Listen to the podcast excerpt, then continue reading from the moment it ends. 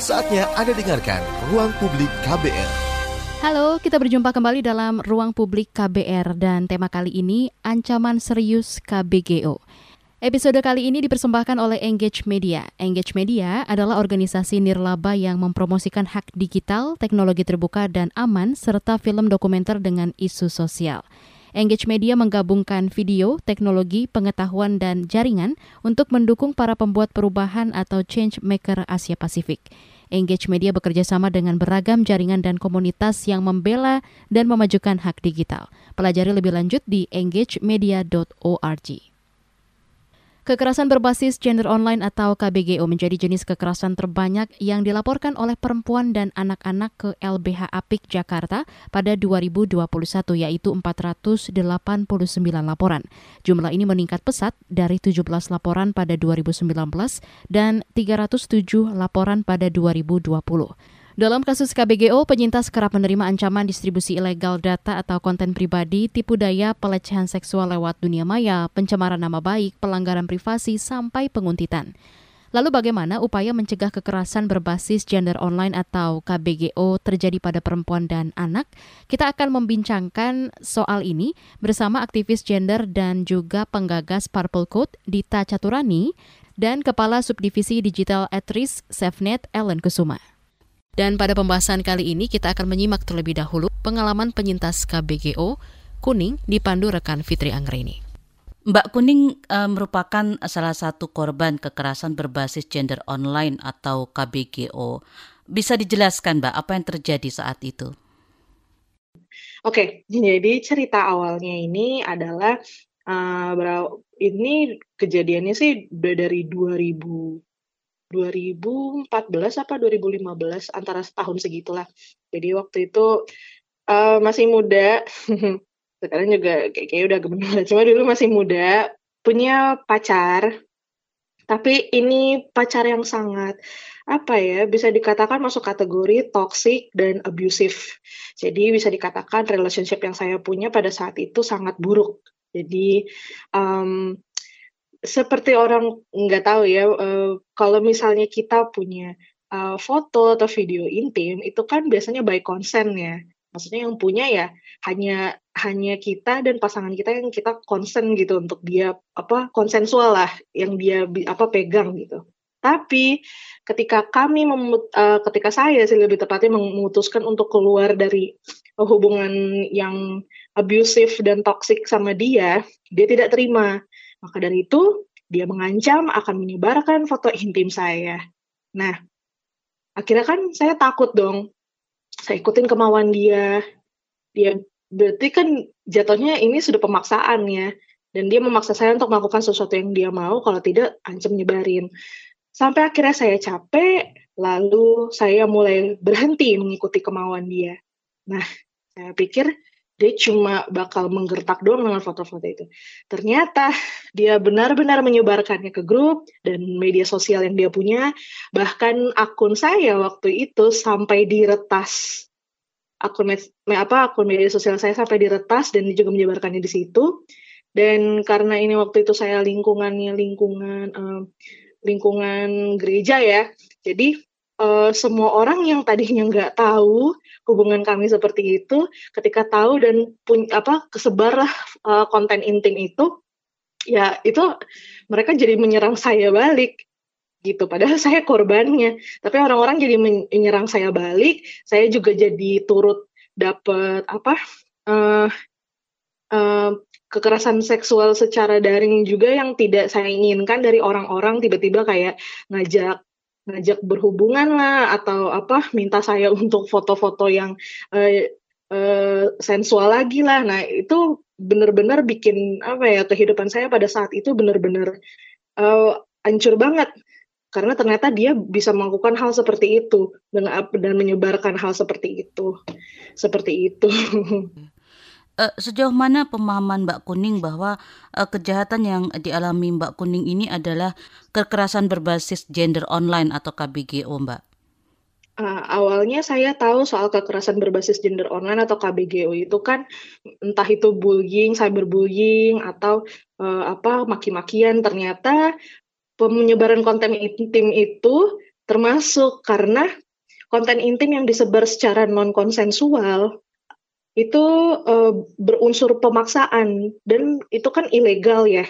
Sehingga ya saya, kalau misalnya saya yang apa saya yang apa maksudnya saya itu uh, adalah objek dari konten konten tersebut terus habis itu disebarkan secara uh, tidak sesuai dengan konsen saya saya tidak mengizinkan tapi dia sebar itu kan pelanggaran namanya itu ilegal. Dan itu ternyata oh masuk ke KBGO jadi uh, sejauh pemahaman saya akhirnya saya tahu itu juga karena dari apa uh, banyak edukasi soal itu di internet sekarang udah banyak kan jadi ketika tahu itu dan beberapa orang juga sudah menjelaskan sehingga saya jadi paham oh ternyata ini termasuk KBGO gitu. Hmm. Bentuk perlindungan apa yang saat itu diupayakan sehingga bisa menjerat pelaku dan tentu melindungi Mbak Kuning sendiri? Ah, karena dulu waktu itu masih awal, belum paham dan apa ya, kebanyakan orang bilang, "Udah lapor aja ke apa, polisi siber atau melapor ke pihak hukum." Menurut saya itu terlalu merepotkan karena pada saat itu yang support saya itu hanya segelintir hanya segelintir orang, bahkan keluarga saya juga belum tahu sebetulnya. Dan itu kan sangat pol apa menjadi problema problema dalam uh, kehidupan saya sehari-hari ya. Cuma tapi gimana pun juga saya harus bisa memutus rantai ini. Bagaimana caranya? Ya, meskipun sudah, maksudnya meskipun sudah kesebar ke sebagian komunitas, ya orang jadi tahu, semu, uh, supaya tidak menyebar lagi sampai ke keluarga, sampai ke kerabat, bahkan sampai ke tempat kerja. Saya memutuskan untuk uh, memutuskan komunikasi dengan pelaku. Jadi semua apa perangkat, uh, semua media sosial, semuanya saya uh, blok. Pokoknya semua nomor-nomor dia, pokoknya akses yang dia bisa masuk ke saya itu saya blok semua waktu itu. Dan saya juga menjauhkan kerabat dan keluarga yang berinteraksi dengan pelaku. Misalnya saya menghimbau mereka untuk tidak uh, memfollow lagi, tidak memfollow lagi sosial medianya dia atau uh, blok dia dia dengan alasan saya bilang sih uh, hubungan kami sudah tidak baik-baik saja, jadi lebih baik diblok saja karena orang ini berbahaya gitu. Dan untungnya respon dari orang-orang sekitar ya lumayan mereka menyambut menyambut dengan uh, baik, lalu mereka uh, ikut ini juga apa memutus rantai komunikasi dengan orang tersebut. Ya, saya agak lega di situ. Soalnya kalau misalnya telat dikit aja, saya nggak tahu lagi bakal jadi gimana. Lalu pasti bersih-bersih jejak digital juga saat itu. Saya udah berapa kali ya ngapus media sosial. Malah kalau bisa rasanya kayak nggak mau main media sosial lagi gitu. Karena ngeri aja. Kenapa sih? Um, padahal kita cuma mau apa ya? apa berselancar di dunia maya dengan dengan nyaman, apa dengan aman. Kok masih ada aja gitu orang-orang yang mengusik uh, ke uh, mengusik ketentraman kita. Makanya bersih-bersih jejak digital kalau uh, kalau misalnya emang merasa uh, main sosial media udah nggak udah nggak apa ya udah nggak aman lagi mendingan nggak dulu kayak apa rehat gitu sosial medianya terus uh, kalaupun misalnya pak masih tetap pakai misalnya tetap uh, uh, harus pengamanan ekstra. Misalnya contoh kayak uh, two factor authentication. Jadi kalau misalnya mau login cuma boleh dari satu perangkat yang udah didaftarin via email seperti itu terus habis itu rajin ganti password. Kalau bisa passwordnya ya seperti yang udah kita bisa lihat di internet juga gimana caranya supaya untuk mengamankan akun kita supaya nggak diretas orang atau dimasukin orang. Sejauh ini langkah preventifnya begitu dan itu masih saya lakukan sampai sekarang karena memang apa ya ketika kita ada di dunia maya kita uh, mulai masuk ke dalam dunia, uh, ranah digital segala sesuatunya itu bisa digandakan dan bisa disebarluaskan. Jadi kayak ya benar-benar harus mawas diri. Jadi yang kita jaga nggak cuma tubuh fisik kita tapi juga tubuh digital kita seperti itu Ya, baru saja kita dengar bersama-sama penjelasan dari Kuning, penyintas KBGO. Yang pertama saya ingin uh, mendengar dulu nih pendapat dari Mbak Ellen terkait apa yang sudah dialami oleh Kuning ini. Seperti apa, Mbak? Terkait dengan uh, apa yang barusan kita dengar gitu ya, saya senang sekali mendengar uh, penyintas yang uh, panggilannya Kuning ini ya. Yeah.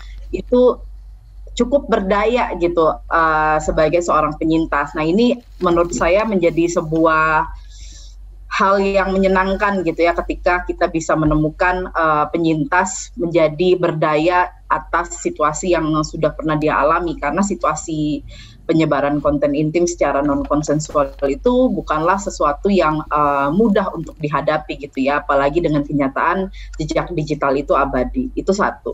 Yang kedua uh, ini pentingnya edukasi gitu ya kepada masyarakat umum terkait dengan keamanan digital, terkait dengan literasi digital, juga terkait dengan uh, bentuk-bentuk uh, kekerasan berbasis gender online, sehingga orang-orang kemudian bisa melakukan langkah-langkah preventif gitu ya atau langkah-langkah pencegahan karena terkait dengan kasus-kasus kekerasan berbasis gender online, langkah-langkah kuratif ataupun mitigasinya itu sangatlah terbatas. Jadi kalau memang kita uh, amit-amit gitu ya belum menjadi korban kekerasan berbasis gender online maka baiknya kita sudah mulai uh, dengan langkah-langkah tadi menjaga tubuh digital tadi uh, menjaga akunnya itu dengan memasang 2FA atau two factor authentication itu udah sangat bagus sekali Nah, yang bisa saya sampaikan adalah kebanyakan korban yang uh, mengadu atau membuat aduan ke SafeNet gitu ya melalui inisiatif Awas KBGO itu tidaklah seperti uh, kuning gitu ya karena kebanyakan yang mengadu itu adalah berada di posisi yang sangat uh, traumatis gitu ya karena mereka masih dalam bayang-bayang intimidasi uh, daripada pelaku itu sendiri. Nah, ini yang penting itu adalah di awal uh, untuk bisa membantu korban kuat, membantu korban berdaya dengan memprioritaskan misalnya kondisi psikologisnya terlebih dahulu gitu ya dengan menawarkan konseling psikologi sembari melakukan langkah-langkah uh, penanganan lainnya gitu ya. Misalnya penghapusan konten uh, mencarikan lembaga bantuan layanan yang terdekat gitu ya dengan uh, uh, korban juga gitu. Itu menjadi langkah yang cukup penting. Tapi yang paling baik adalah uh, kita semua gitu ya bisa membuat ekosistem sistem pendukung yang baik untuk korban sehingga dia bisa berdaya seperti Mbak Kuning. Mungkin itu dari saya. Nah, Mbak Ellen, mungkin sebagian dari pendengar juga belum memahami ya, apa sih dan apa saja sih bentuk dari KBGO itu? Sebenarnya cakupannya cukup luas ya. Kalau kita tahu kan KBGO itu dari kekerasan berbasis gender ya, yang kemudian dia juga terjadi karena difasilitasi oleh teknologi digital. Dan teknologi digital sendiri itu kan beragamnya banyak. Jadi bentuk KBGO sendiri itu ada yang menjadi perpanjangan daripada kekerasan berbasis gender ataupun dia menjadi bentuk baru gitu ya karena dia uh, mendapatkan uh, fasilitas daripada teknologi digital gitu ya. Jadi fitur-fitur apa pun yang sebenarnya kita gunakan dan memudahkan hidup kita dari teknologi digital itu sendiri ternyata bisa disalahgunakan oleh pelaku gitu. Nah, jadi cakupannya itu cukup luas ya dari yang uh, sesimpel komentar misoginis di eh, postingan-postingan uh, online gitu ya atau uh, body shaming gitu ya yang dilakukan uh, melalui kolom komentar atau bikin postingan gitu ya melakukan body shaming kepada orang-orang dan segala macam sampai pada situasi-situasi yang sangat traumatis gitu ya. Uh, seperti tadi penyebaran konten intim secara non konsensual dan tidak berhenti di online saja gitu ya karena situasi KBGO sendiri pun bisa luber ke dalam kehidupan nyata. Misalnya uh, stalking dengan menggunakan aplikasi pengintai gitu ya berujung pada misalnya dikuntit langsung di hmm. dunia nyata karena ketahuan lokasinya di mana gitu ya aktivitasnya apa saja dan itu kan bisa berujung pada hal-hal lain misalnya tereskalasi menjadi tindakan perkosaan, tindakan penganiayaan ataupun uh, pelecehan seksual dalam eh, bentuk-bentuk uh, lainnya gitu. Jadi cakupannya sangat luas. Kita nggak bisa uh, hanya membayangkan kekerasan berbasis gender online itu mentok pada perkara penyebaran konten intim non konsensual. Itu yang memang paling masif terjadi, yang paling susah untuk ditangani, tetapi bentuk-bentuk kekerasan berbasis gender online lainnya juga masih banyak yang perlu dipahami oleh publik. Baik, sekarang kita ke Mbak Dita. Tadi Mbak Ellen sudah menjelaskan ya apa itu KBGO, tetapi implementasinya seperti apa sih Mbak tingkat pemahaman masyarakat soal KBGO ini? Uh, untuk sang, saat ini ya tingkat kesadaran masyarakat secara umum terkait dengan KBGO sih sebenarnya masih cukup rendah, tetapi uh, sudah terjadi peningkatan yang yang yang cukup yang cukup baik lah dibanding tahun-tahun sebelumnya gitu. Um, bukan berarti KBGO itu tidak terjadi sebelumnya. KBGO sudah lama terjadi sejak mulai sejak mulainya digunakan sejak mulai digunakannya uh, apa uh, teknologi digital dalam kehidupan kita sehari-hari itu sudah terjadi KBGO. Um, tetapi masyarakat masih belum apa belum menyadari bahwa KBG bahwa kekerasan berbasis gender itu bisa terjadi di ranah online ya tetapi sekarang kesadaran itu sudah semua semakin banyak sudah semakin tinggi sudah semakin banyak orang yang bicara soal KBGO tetapi belum cukup untuk menghentikan kasus-kasus uh, eh, KBGO yang terjadi yang semakin masif saat ini terjadi. Baik, kalau literasi, Mbak, literasi untuk KBGO ini seperti apa? Mungkin bisa diberi gambaran dalam lima tahun terakhir? Oke, mungkin literasi yang saat ini uh, banyak diupayakan bukan hanya uh, Perpelkot ya, ada SafeNet dan juga organisasi-organisasi perempuan lain, bahkan termasuk Komnas Perempuan yang uh, mencoba memberikan kesadaran kepada masyarakat bahwa kekerasan berbasis gender yang terjadi online adalah kekerasan berbasis gender uh, dan kekerasan berbasis gender online ini tidak terlepas dari kekerasan berbasis gender offline. Akarnya sama, penyebabnya sama, gitu kan? Dan maka ia harus juga dilihat dan dinilai dengan derajat yang sama bahwa itu adalah kejahatan, gitu, yang yang harus uh, tidak dilakukan oleh orang dan apabila itu dilakukan maka korban harus dilindungi dan juga uh, apa harusnya ada langkah-langkah uh, sanksi yang diberikan kepada pelaku. Uh, literasi itu yang kini banyak di di apa diupayakan lah oleh uh, oleh banyak organisasi ataupun individu aktivis perempuan uh, selama lima tahun uh, terakhir ini. Juga literasi terkait dengan kekerasan apa saja kekerasan berbasis gender, apa itu kemudian uh, dampak-dampaknya dan penanganan-penanganannya sudah mulai banyak termasuk tantangan-tantangan dari dari uh, apa uh, penanganannya. Seperti tadi disampaikan oleh oleh Ellen gitu ya. Uh, secara umum kekerasan berbasis gender itu selalu mengalami tantangan dalam penanganannya. Bahkan kekerasan berbasis gender offline. Kita tahu gitu ya kalau ada misalnya seseorang perempuan misalnya mengalami kekerasan berbasis gender lalu melapor ke polisi sering tidak dianggap serius laporannya itu yang kekerasan berbasis gender offline. Yang jelas-jelas misalnya korbannya sudah terlihat uh, apa ada bukti-buktinya mengalami kekerasan ya. Baik kekerasan seksual ataupun kekerasan fisik. Itu saja masih belum dianggap serius. Apalagi ketika ini kemudian bentuknya adalah KBGO atau kekerasan berbasis gender. Yang dianggap bahwa buktinya itu atau dampaknya itu tidak nyata. Nggak nampak nggak kelihatan babak belur nggak ada apa brusisnya gitu tidak ada nggak berdarah gitu sehingga lapor ke polisi makin-makin di, di, tidak dianggap gitu. Nggak cuma nggak dianggap serius bahkan tidak dianggap masih sering tidak dianggap sebagai sebuah uh, kekerasan. Nah literasi macam itulah yang yang banyak diupayakan supaya uh, masyarakat memahami bahwa KBGO adalah kekerasan berbasis gender sekalipun dia terjadi online dan harusnya ditangani sama seperti uh, kekerasan berbasis gender yang terjadi di ranah on, uh, offline, offline dan ya. sama-sama seri, seriusnya di, di, ditangani dalam derajat yang sama-sama serius. Literasi semacam itu. Berarti semua orang wajib ya mendapatkan pemahaman mengenai KBGO ini mengingat semua orang bisa menjadi korban dan semua orang bisa menjadi pelaku. Ketika saya bilang semua orang bahkan orang-orang yang tidak terkoneksi atau tidak menggunakan uh, teknologi di, digital atau tidak menggunakan internet terlalu aktif gitu ya. Banyak orang yang masih belum seperti itu. Itu pun harus mendapatkan literasi. Karena orang-orang yang tidak terkoneksi di internet atau yang tidak menggunakan teknologi digital pun bisa menjadi korban KBGO ya. Uh, kita melihat bahwa KBGU itu bukan sebuah kekerasan atau uh, satu bentuk kekerasan yang terpisah dari kekerasan berbasis gender offline.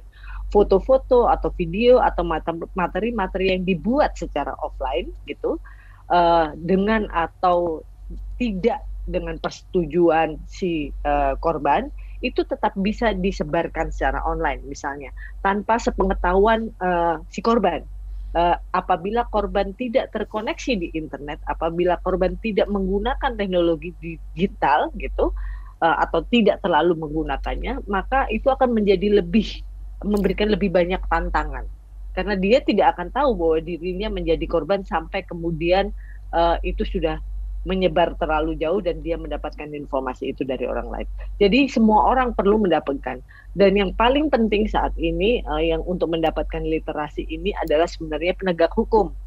Uh, karena kesadaran penegak hukum terhadap uh, KBG itu masih sangat rendah ya kesadaran akan adanya KBGO sangat rendah dan terutama perspektif yang memihak korbannya itu juga masih sangat rendah sehingga uh, perlu sekali uh, para pembuat kebijakan dan juga para penegak hukum seperti polisi yang mendapatkan laporan dan yang harusnya menangani uh, uh, kasus kekerasan itu harus mendapatkan uh, ini apa upaya-upaya penyadaran atau literasi ini. Oke, Mbak Ellen, pemahaman mengenai bahaya KBGO ini nampaknya harus masif ya disampaikan mengingat catatan Lembaga Bantuan Hukum Asosiasi Perempuan Indonesia untuk Keadilan LBH Apik selama pandemi hingga tahun 2021 kasus KBGO mencapai ratusan kasus, tepatnya sekitar empat ratusan kasus.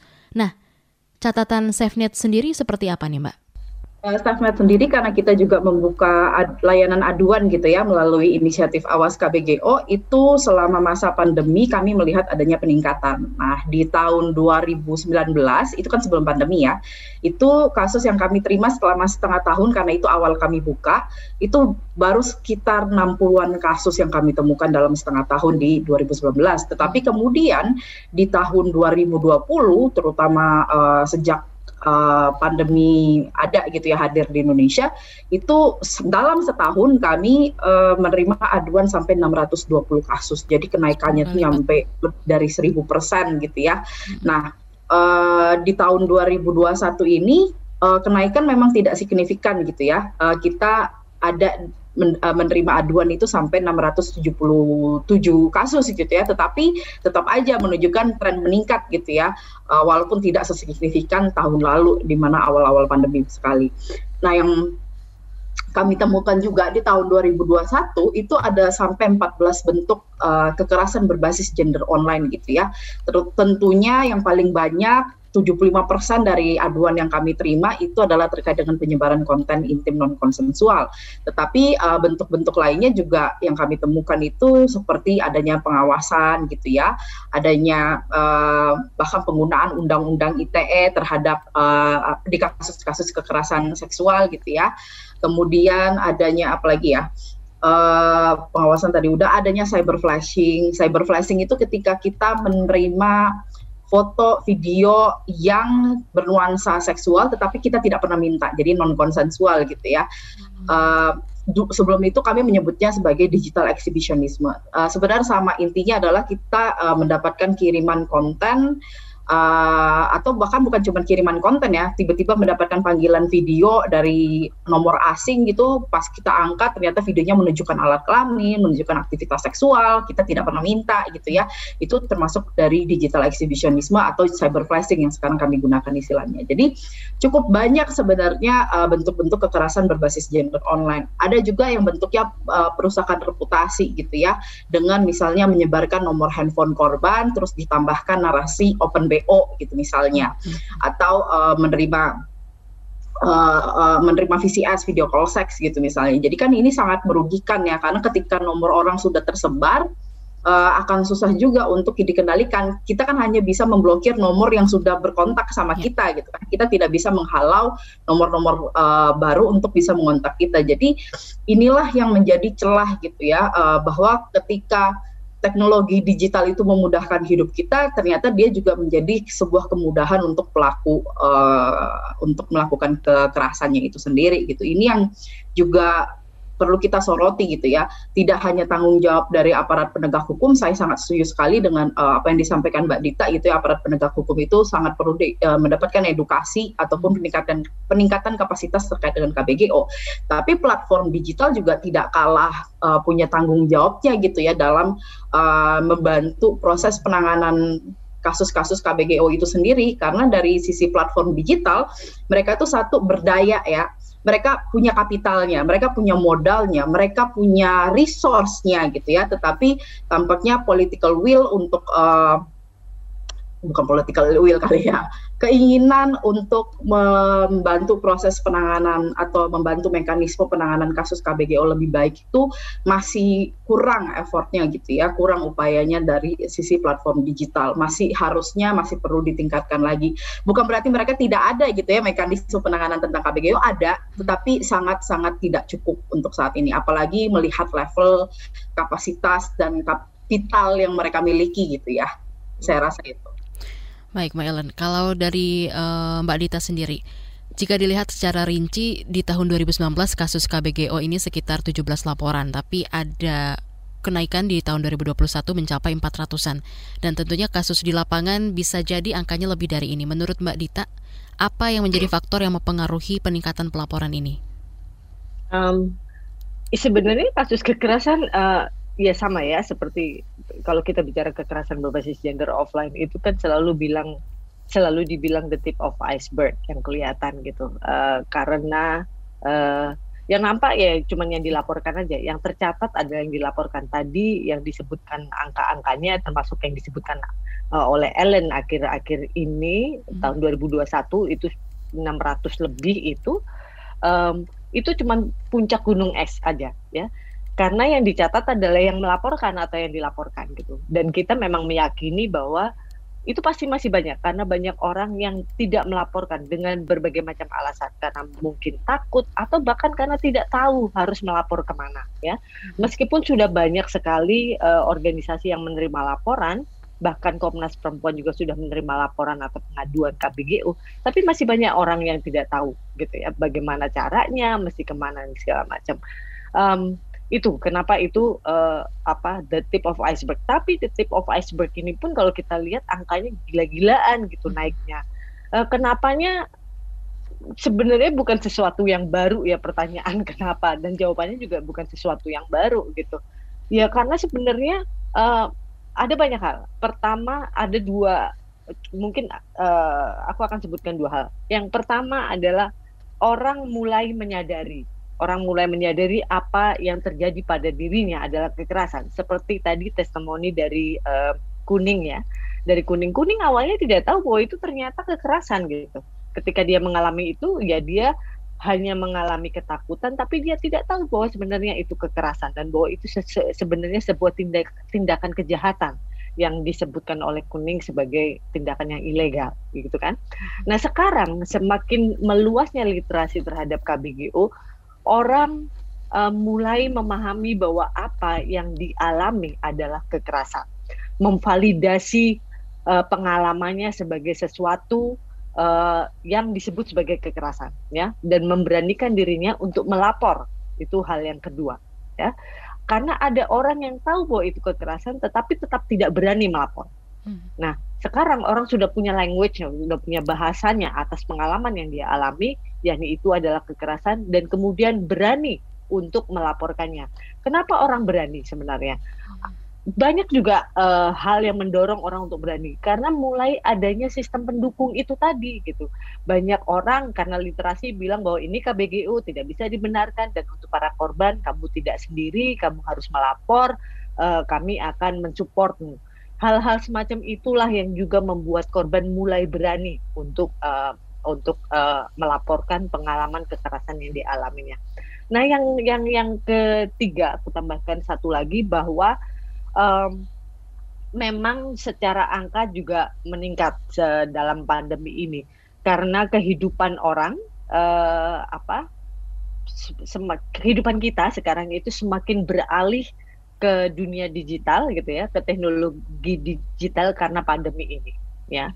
Hmm. Uh, tetapi kalau kita lihat sebenarnya pelaporan kekerasan terhadap uh, perempuan atau kekerasan berbasis gender itu meningkat di masa pandemi tidak hanya KBGO.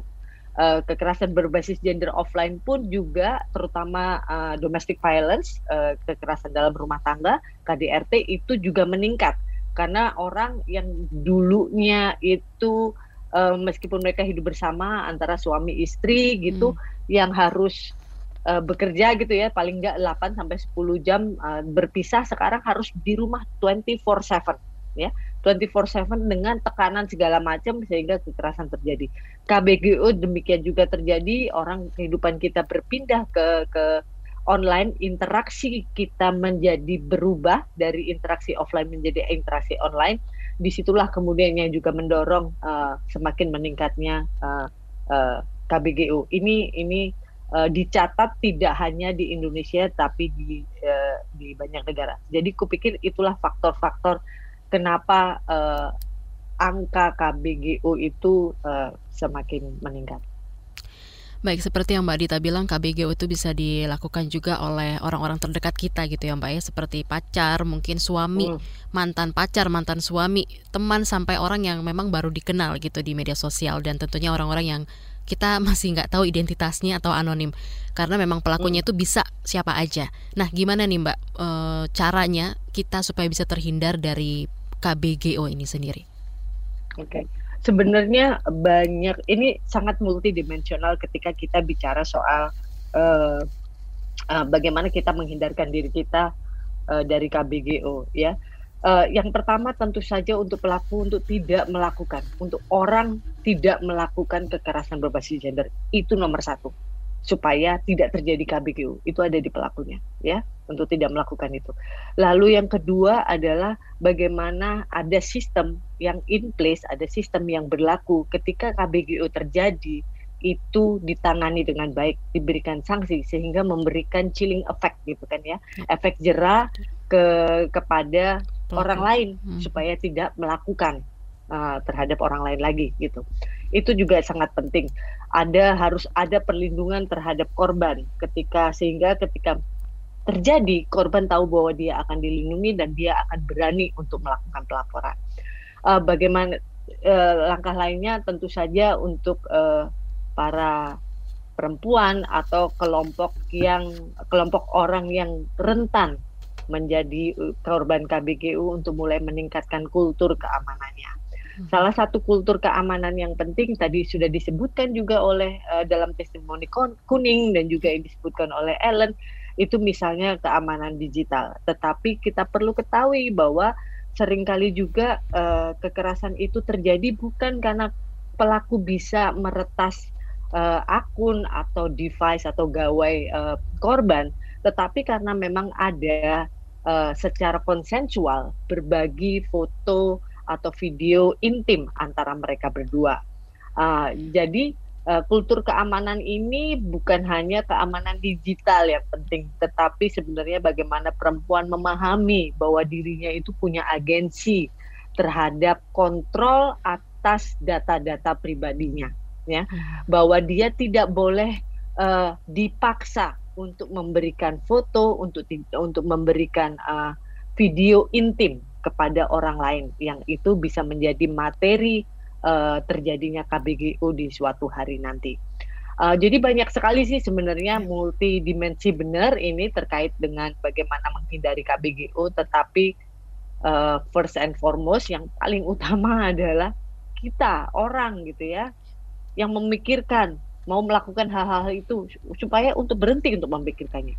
Pelaku tidak melakukan KBGU kalau kita mau menghentikan KBQ, ya syaratnya sebenarnya paling utama itu.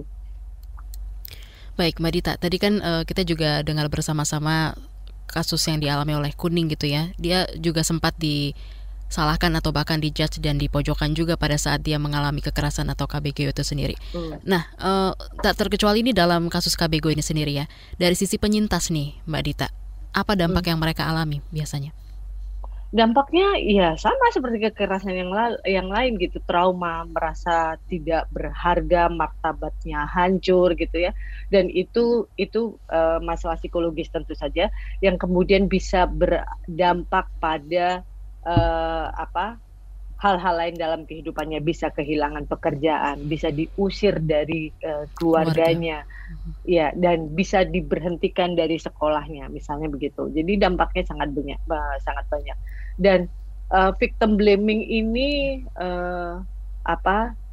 Karena tingkat keparahan victim blaming ini terutama dengan adanya teknologi digital gitu ya. Satu orang melakukan victim blaming itu bisa teramplifikasi, termultiplikasi uh, multiplikasi uh, tanpa batas yang itu bisa membuat justru korban mengalami internalized uh, victim blaming. Jadi bahwa dirinya kemudian menyalahkan dirinya sendiri.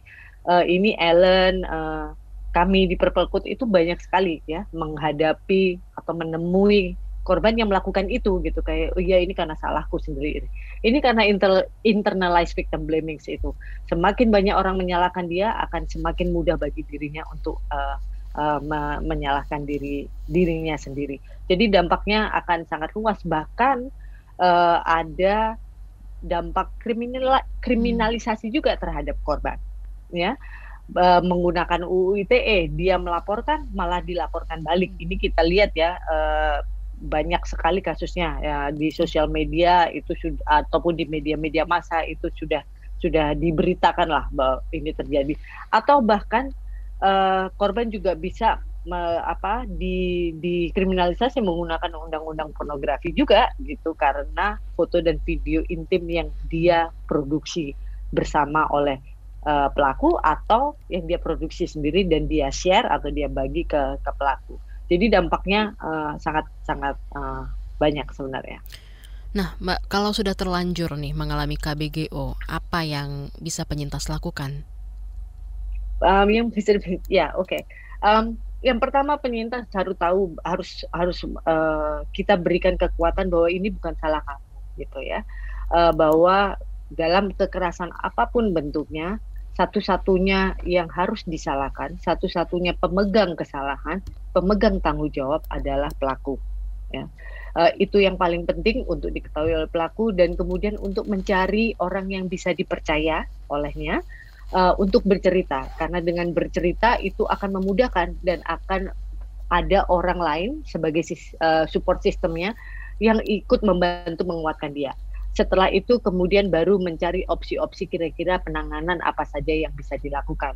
Di Purple Code uh, kami um, me, mem, membuat sebuah formulasi bahwa penanganan KBGO itu ini yang kami lakukan ya untuk penanganan uh, itu ada uh, beberapa beberapa aspek penanganan itu penanganan teknologi, penanganan sosial, penanganan hukum dan penanganan uh, psikologis itu bisa kemudian uh, dibantu dengan support sistemnya untuk melakukan itu semua. Dan apabila support sistemnya misalnya tidak ada yang memiliki kapasitas itu, bisa menghubungi organisasi-organisasi yang bisa membantu. Misalnya ada awas KBGO dari SafeNet, uh, kemudian ada Task Force KBGO, lalu ada uh, eh, LBH ada Komnas Perempuan dan masih banyak organisasi-organisasi lain atau kolektif kolektif perempuan lain yang juga menyediakan uh, apa bantuan penanganan KBGO atau paling tidak menyediakan sistem referral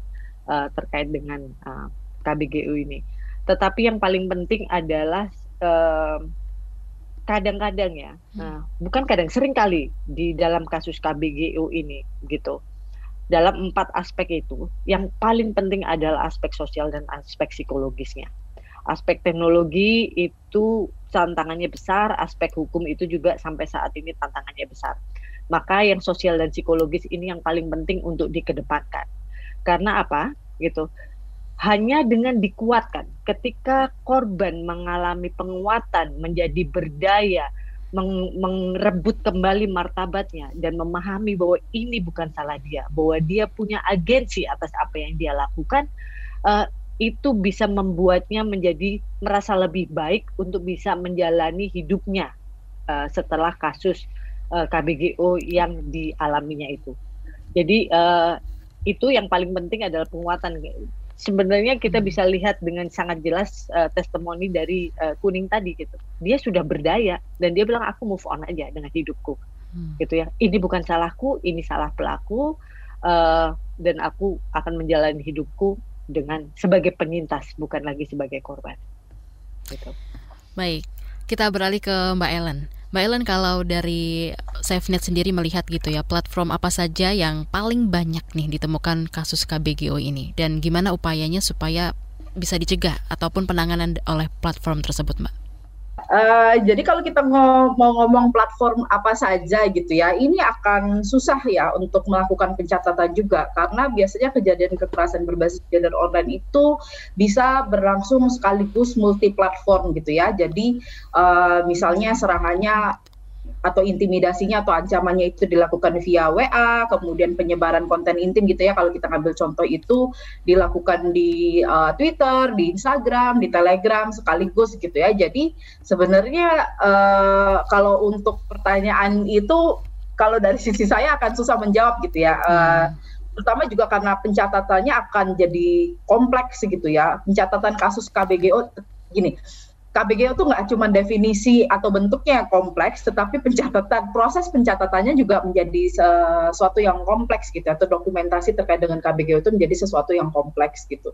Jadi uh, itu sih, tapi akhir-akhir di 2021 kami melihat adanya kenaikan uh, eh, KBGO atau pelaku itu melakukan aktivitas KBGO-nya itu di Telegram ya. Dan Telegram ini menjadi salah satu platform yang belum berhasil kita reach out uh, langsung untuk uh, berpartner dan melakukan penanganan KBGO secara khusus ya. Jadi itu juga jadi kendala.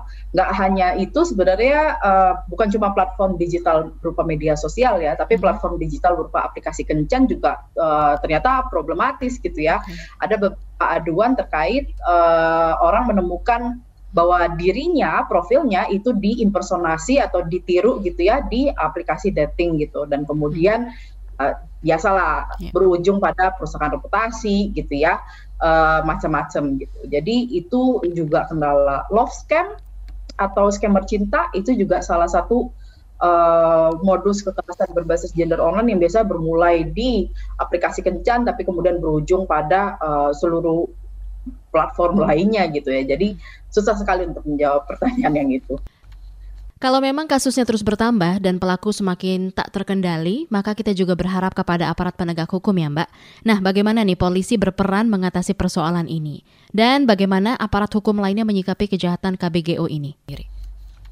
Sebenarnya tadi udah disebutkan bahwa aparat penegak hukum itu menjadi tombak penanganan kasus gitu ya, bahwa mereka juga uh, punya peran yang sangat besar gitu. Cuman tadi masih kurang terkait dengan literasi kekerasan berbasis gender online-nya, kurang perspektifnya terkait dengan eh, pengalaman-pengalaman korban gitu ya, sehingga banyak melakukan victim blaming uh, atau menyalahkan korban pada saat proses pelaporan itu terjadi. Nah, yang ingin saya tekankan juga bahwa aparat penegak hukum itu menjadi salah satu uh, apa ya pihak yang memiliki wewenang gitu loh untuk melakukan penanganan lebih lanjut. Kami sebagai uh, lembaga layanan gitu ya memberikan bantuan kepada korban KBGO itu can do uh, cuman bisa melakukan sebatas tertentu gitu loh. Kami tidak bisa misalnya melakukan pelacakan kepada pelaku gitu ya. Kami tidak bisa uh, melakukan penyitaan handphone pelaku gitu misalnya untuk bisa menghapus uh, konten yang sudah dimiliki pelaku gitu. Tapi polisi memiliki kewenangan itu gitu ya.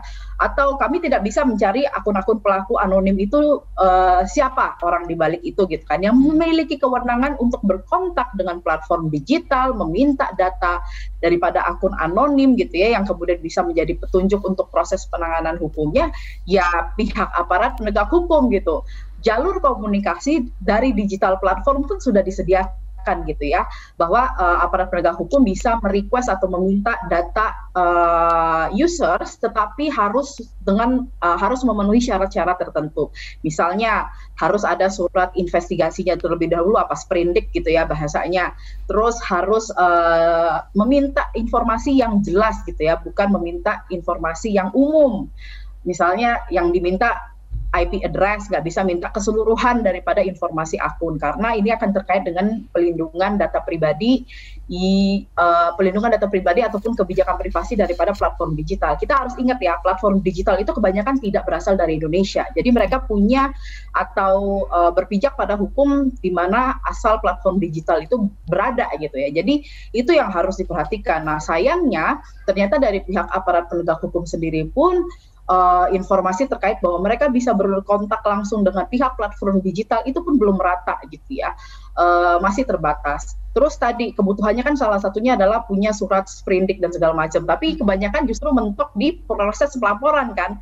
Laporan dari korban aja belum tentu diterima gitu loh. korban aja setelah melapor belum tentu dapat bukti tanda lapor yang sebenarnya uh, dibutuhkan, dibutuhkan untuk uh, proses selanjutnya kan. Jadi saya rasa edukasi harus dilakukan pada masyarakat hukum uh, masyarakat umum gitu ya sehingga mereka juga setidaknya dapat uh, basic knowledge tentang bagaimana proses hukum itu berlangsung. Sehingga tidak gampang uh, menyerah gitu ya begitu laporannya ditolak uh, oleh pihak kepolisian dengan berbagai macam alasan uh, alasan gitu ya. Dan dari pihak kepolisian untuk ya lebih sensitif dan lebih uh, lebih mendapatkan edukasi juga ya tentang bagaimana proses penanganan kekerasan siber. Karena ini tidak akan berkurang saya saya bisa jamin gitu ya. Karena sekarang kita udah tahu ada yang namanya metaverse dan iya. segala macam ya. Itu itu baru mulai kita belum lagi nanti ke depannya akan seperti apa lagi dunia uh, digital berkembang kan. Jadi harusnya uh, literasi keamanan digital, literasi digital untuk aparat penegak hukum itu sudah menjadi sesuatu keharusan gitu. Tidak hanya untuk divisi sibernya aja, tetapi ya harusnya seluruh aparat atau seluruh jajaran aparat penegak hukum ya sudah punya literasinya gitu ya. Sampai ke pihak jaksa maupun ke pihak uh, hakim juga itu juga harus mendapatkan uh, literasinya. Jadi prosesnya masih sangat panjang nih, Mbak. Baik. Kita uh, lanjut lagi ke Mbak Dita. Mbak Dita, salah satu kendala yang dihadapi oleh para pendamping dan juga penasihat hukum seperti LBH Apik selama menangani kasus KBGO adalah relasi kuasa. Menurut Mbak Dita nih Mbak, cara yang tepat seperti apa yang bisa dilakukan dalam mengatasi persoalan ini? Hmm, ini pertanyaan yang sangat menarik. Relasi kuasa memang menjadi akar dari semua kekerasan ya uh, kekerasan berbasis gender itu selalu uh, memang akarnya adalah relasi kuasa di mana orang yang memiliki kuasa yang lebih tinggi ya itu merasa punya hak atau uh, entitlement untuk melakukan apa pun yang mereka mau lakukan termasuk di dalamnya adalah kekerasan. Ya bagaimana uh, apa untuk mengatasi relasi kuasa ini membutuhkan waktu yang cukup panjang gitu kan uh, membongkar narasi uh, relasi apa pun bentuknya relasi romantis relasi suami istri pacaran atau relasi kemanusiaan aja bahwa yang namanya relasi itu harus didasarkan pada yang namanya kesetaraan ya kan? Uh, kalau kita setara, semua orang memiliki kuasa yang sama, yang dibagi secara rata, gitu, maka relasi kuasa itu bisa terbongkar gitu. Dan kemungkinan besar gitu ya hopefully harapannya adalah dengan terbongkarnya relasi kuasa maka kekerasan itu juga bisa dieradikasi atau di, di dihapuskan atau paling tidak dikurangi. Dan ini sebenarnya terbukti dalam relasi-relasi yang menerapkan kesetara, kesetaraan atau prinsip-prinsip kesetaraan itu hampir tidak ditemukan yang namanya kekerasan terjadi di antara uh, orang yang terlibat dalam relasi itu jadi uh, saya pikir itu ya. Dan relasi kuasa ini sebenarnya terjadi atau ada ditemui di dalam semua relasi yang tadi seperti aku bilang. Hmm. Bahkan kemudian relasi antara kita dengan para pembuat kebijakan. Relasi kita uh, rakyat biasa, orang-orang biasa ini dengan para penegak hukum. Itu yang membuat juga salah satu uh, apa tantangan memberikan tantangan terhadap penanganan uh, kasus-kasus KBGO di ranah hukum. Bagaimana korban yang sudah menjadi uh, korban dari kekerasan yang basisnya relasi kuasa harus melaporkan gitu kasusnya uh, pengalaman kekerasan yang dialami ke polisi yang memiliki relasi kuasa yang lebih tinggi lagi gitu ya yang punya posisi kuasa yang lebih tinggi lagi. Dan ini yang yang menjadikan tantangan. Jadi kalau caranya bagaimana gitu untuk uh, uh, mengatasi relasi kuasa ini ya memang harus membongkar uh, cara berpikir di mana relasi kuasa itu ada dalam relasi-relasi kita. Upaya-upaya uh, mengkampanyekan uh, kesetaraan ini menjadi penting, bagian yang sangat penting menjadi bagian yang sangat fundamental bagi kita untuk menghentikan semua bentuk kekerasan berbasis gender. Baik, ini terakhir ya untuk Mbak Dita dan juga Mbak Ellen. RUU TPKS kini masih dalam proses. Bagaimana peranan RUU TPKS ini untuk mencegah atau menangani KBGO dan cara lain apa yang bisa dilakukan untuk memerangi KBGO ini? Mungkin bisa dijawab dulu oleh Mbak Ellen, silakan. Oke, terkait dengan RUU TPKS sendiri atau tindak pidana kekerasan seksual gitu ya, uh, terakhir kami lihat daripada draftnya itu sendiri uh, baru memuat satu pasal gitu ya yang uh, terkait dengan kekerasan berbasis gender online. Mereka menggunakan istilah pelecehan seksual berbasis elektronik gitu ya. Uh, tapi kemudian saya juga mendengar dari sisi uh, pemerintah memberikan DIM itu salah satu masukan DIM, tapi saya harus cek lagi gitu ya. Uh, bahwa pasal tersebut akan dihapuskan dan kemudian uh, karena undang-undang ITE dirasa sudah cukup gitu ya. Nah, ya, ada beberapa hal yang ingin saya soroti terkait dengan uh, update RUU TPKS yang seperti ini. Satu, masih uh, banyak pihak aku rasa yang belum menyadari bagaimana extent uh, daripada kekerasan berbasis gender online dan itu sendiri pada korban gitu. Sehingga uh, dari sisi DPR masih melihat atau dari sisi para penyusun RUU TPKS gitu ya masih melihat uh, KBGO menjadi sesuatu yang belum perlu uh, pengakuan dalam bentuk pasal-pasal gitu ya. Uh, yang komprehensif tentang KBGO itu sendiri itu satu. Yang kedua um, saya rasa masih banyak yang belum tahu juga bentuk-bentuk KBGO itu seperti apa. Sehingga saya uh, untuk RUU TPKS sendiri kalau terkait dengan KBGO itu hmm. masih belum bisa disebut ada gitu ya uh, atau menyinggung benar-benar terkait dengan kekerasan berbasis gender online. Selain itu yang ingin saya soroti adalah keengganan untuk bisa mengakui uh, pengalaman korban terkait dengan KBGO dalam bentuk pasal itu juga menunjukkan keengganan ataupun kekurangnya political will atau bahkan juga kurangnya literasi gitu ya terkait dengan KBGO itu sendiri. Itu sih aku bisa sampaikan. Tapi memang RUU TPKS itu kita perlukan ya. Hmm. terlepas apakah dia kemudian juga menjawab isu kekerasan berbasis gender online atau tidak RUU TPKS adalah uh, kerangka hukum yang kita butuhkan saat ini untuk melindungi korban-korban kekerasan seksual yang setiap hari selalu bertambah. Baik, terima kasih Mbak Ellen. Gimana tanggapan dari Mbak Dita? Silakan. Uh, sebenarnya sama aja seperti Ellen tadi ya, bahwa RUU TPKS saat ini berjalan tidak sesuai dengan harapan kita karena uh, dari draft awalnya ini udah dipangkas habis-habisan oleh uh, DPR, tetapi kadang-kadang uh, kita ini sebagai masyarakat ya hanya berharap paling tidak ada satu uh, kerangka hukum yang bisa melindungi kita. Seandainya ada hal-hal yang tidak tercakup di dalam uh, RUU TPKS karena bahkan istilah KBGU itu aja tidak diakui ya dalam rancangan undang-undang ini tidak ada dalam rancangan undang-undang ini seandainya itu tidak ada paling tidak ya nanti kita akan mencarikan alternatif bagaimana penanganan uh, eh, KBGU seandainya memang kemudian hasil akhir dari undang-undang ini nanti uh, memang tidak bisa melindungi korban KBGU. Hmm. Uh, tadi seperti kata Ellen gitu um, dari draft terakhir yang aku baca mesti aku cek lagi ya karena draftnya bisa berubah-berubah. Uh, itu memang yang ditawarkan oleh uh, Komnas Perempuan sebagai penggagas atau sebagai motor dari uh, eh, RUU yang awalnya dulu namanya RUU PKS ini uh, uh, awalnya ada gitu ya ada terkait dengan uh, kekerasan berbasis gender yang terjadi di ranah online itu tapi kemudian dipangkas lalu berubah di draft terakhir. Aku melihat ada correct me if I'm wrong ya mungkin aku bisa salah ini ya nggak mesti mesti dicek lagi itu di bagian alat bukti sebenarnya ada terkait dengan uh, alat bukti elektronik apa yang diucapkan uh, informasi yang disebarkan segala macam itu um, secara elektronik tetapi uh, alat bukti ini sebenarnya menjadi uh, penyokong dari hmm. kekerasan ber, kekerasan seksual yang terjadi di ranah uh, offline gitu yang kemudian ada alat buktinya yang disebarkan secara elektronik itu yang kemudian bisa dijerat tetapi ada juga kasus-kasus KBGO kita harus pahami bahwa ada kasus-kasus KBGO yang berdiri sendiri yang tidak terkait langsung atau tidak diakibatkan uh, dari sebuah kekerasan berbasis gender offline gitu ya. Nah, itu kemudian tidak akan bisa ditangani dengan uh, eh, RUU TPKS ini. Baik. Um, secara umum samalah pendapatku dengan Ellen tadi.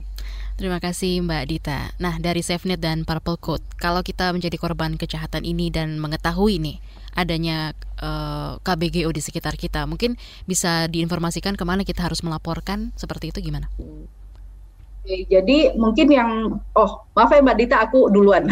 iya iya ya, uh, Oke, jadi kalau misalnya dari SafeNet, kita itu untuk penanganan kasus KBGO adalah melalui inisiatif Awas KBGO. Kita bisa dicek uh, websitenya di awaskbgo.id, gitu ya. Nah, di situ nanti ada halaman layanan di mana tersedia formulir untuk melaporkan uh, aduan kasus gitu ya. Cuman yang perlu ditegaskan uh, saat ini layanan dari Awas KBGO itu sendiri terbatas pada dua hal, yaitu satu konsultasi terkait dengan keamanan digital ataupun terkait dengan privasi gitu ya. Yang kedua itu terkait dengan bantuan pelaporan ke platform digital. Nah, uh, saat ini baru terbatas pada dua hal itu. Tentunya kalau misalnya ada korban yang uh, membuat aduan gitu ya dan membutuhkan bantuan lain seperti misalnya butuh bantuan hukum, butuh bantuan konseling, butuh bantuan uh, dukungan psikososial gitu ya, tetap bisa mengadu kepada kami. Nanti akan bisa kami uh, bantu rujukan gitu ya kepada teman-teman ataupun mitra-mitra kami yang relevan untuk penanganan tersebut gitu. Sekaligus mungkin saya bisa menambahkan saat ini uh, Awas KBGO sendiri itu mendapatkan donasi daripada kawan puannya kitabisa.com sehingga kami juga bisa menyediakan uh, atau membuka layanan konseling uh, online gratis gitu ya untuk korban kekerasan berbasis gender online yang membutuhkan uh, hal tersebut. Jadi saat ini itu yang bisa uh, kami lakukan gitu ya untuk para korban kekerasan berbasis gender online. Baik, terima kasih. Uh, kalau dari Purple Code mungkin bisa disampaikan ya. juga Mbak Dita, silakan. Uh, ya, ada beberapa sebenarnya uh, selain jadi Purple Code sendiri uh, bersama dengan organisasi dan individu aktivis uh, perempuan itu mendirikan sejak tahun 2021 ya ini sudah satu tahunnya hmm. mendirikan yang namanya Task Force KBGO uh, Task Force KBGO ini memberikan layanan cukup lengkap karena di dalamnya ada lebih dari eh, uh, 20 volunteer dengan berbagai macam latar belakang. Ada yang lawyers uh, ada yang psikolog kemudian ada yang orang-orang yang memang uh, punya kemampuan pendampingan psikologis gitu ya. Psikolog yang certified maupun yang para konselor itu juga ada di situ. Dan orang-orang yang biasa mendampingi ini yang tadi dalam aspek sosial dan juga uh, ada beberapa orang-orang yang um, memiliki kapasitas, kapasitas digital security. Jadi bisa melaporkan kalau terjadi untuk mendapatkan uh, penanganan yang lebih holistik ke task bisa dikunjungi aja di Instagramnya task force uh, underscore uh, KBGO. Di situ nanti ada link untuk formulir ke pengaduannya. Tetapi selain dua tadi ya, ada Awas KBGO, ada yeah. Task Force uh, eh, KBGO, teman-teman bisa melapor ke Komnas Perempuan, silakan cari uh, ada websitenya, nanti di situ bisa tahu uh, cara-cara pengaduannya seperti apa, kemudian ada LBH Apik juga, ada LBH Jakarta, itu adalah organisasi-organisasi di mana teman-teman bisa datangi uh, atau kontak untuk melaporkan uh, kasus KBGO dan meminta uh, bantuan layanan. Oke, terima kasih Mbak Dita Caturani, aktivis gender dan penggagas Purple Code, dan juga Mbak Ellen Kusuma, Kepala Subdivisi Digital Atris SafeNet. Semoga kejahatan KBGO ini bisa benar-benar dihentikan, tidak ada lagi korban dan juga semua orang memahami bahaya KBGO ini. Sekali lagi terima kasih dan demikian Ruang Publik KBR supported by Engage Media dengan tema Ancaman Serius KBGO. Pembahasan ini dapat Anda dengarkan di aplikasi KBR Prime dan platform mendengarkan lainnya. Jika Anda mendengarkan melalui Spotify, Anda juga bisa memfollow kami dan juga memberikan bintang 5 untuk mendapatkan notifikasi terkait obrolan seru lainnya. Saya Naomi Liandra undur diri, salam. Baru saja Anda dengarkan Ruang Publik KBR.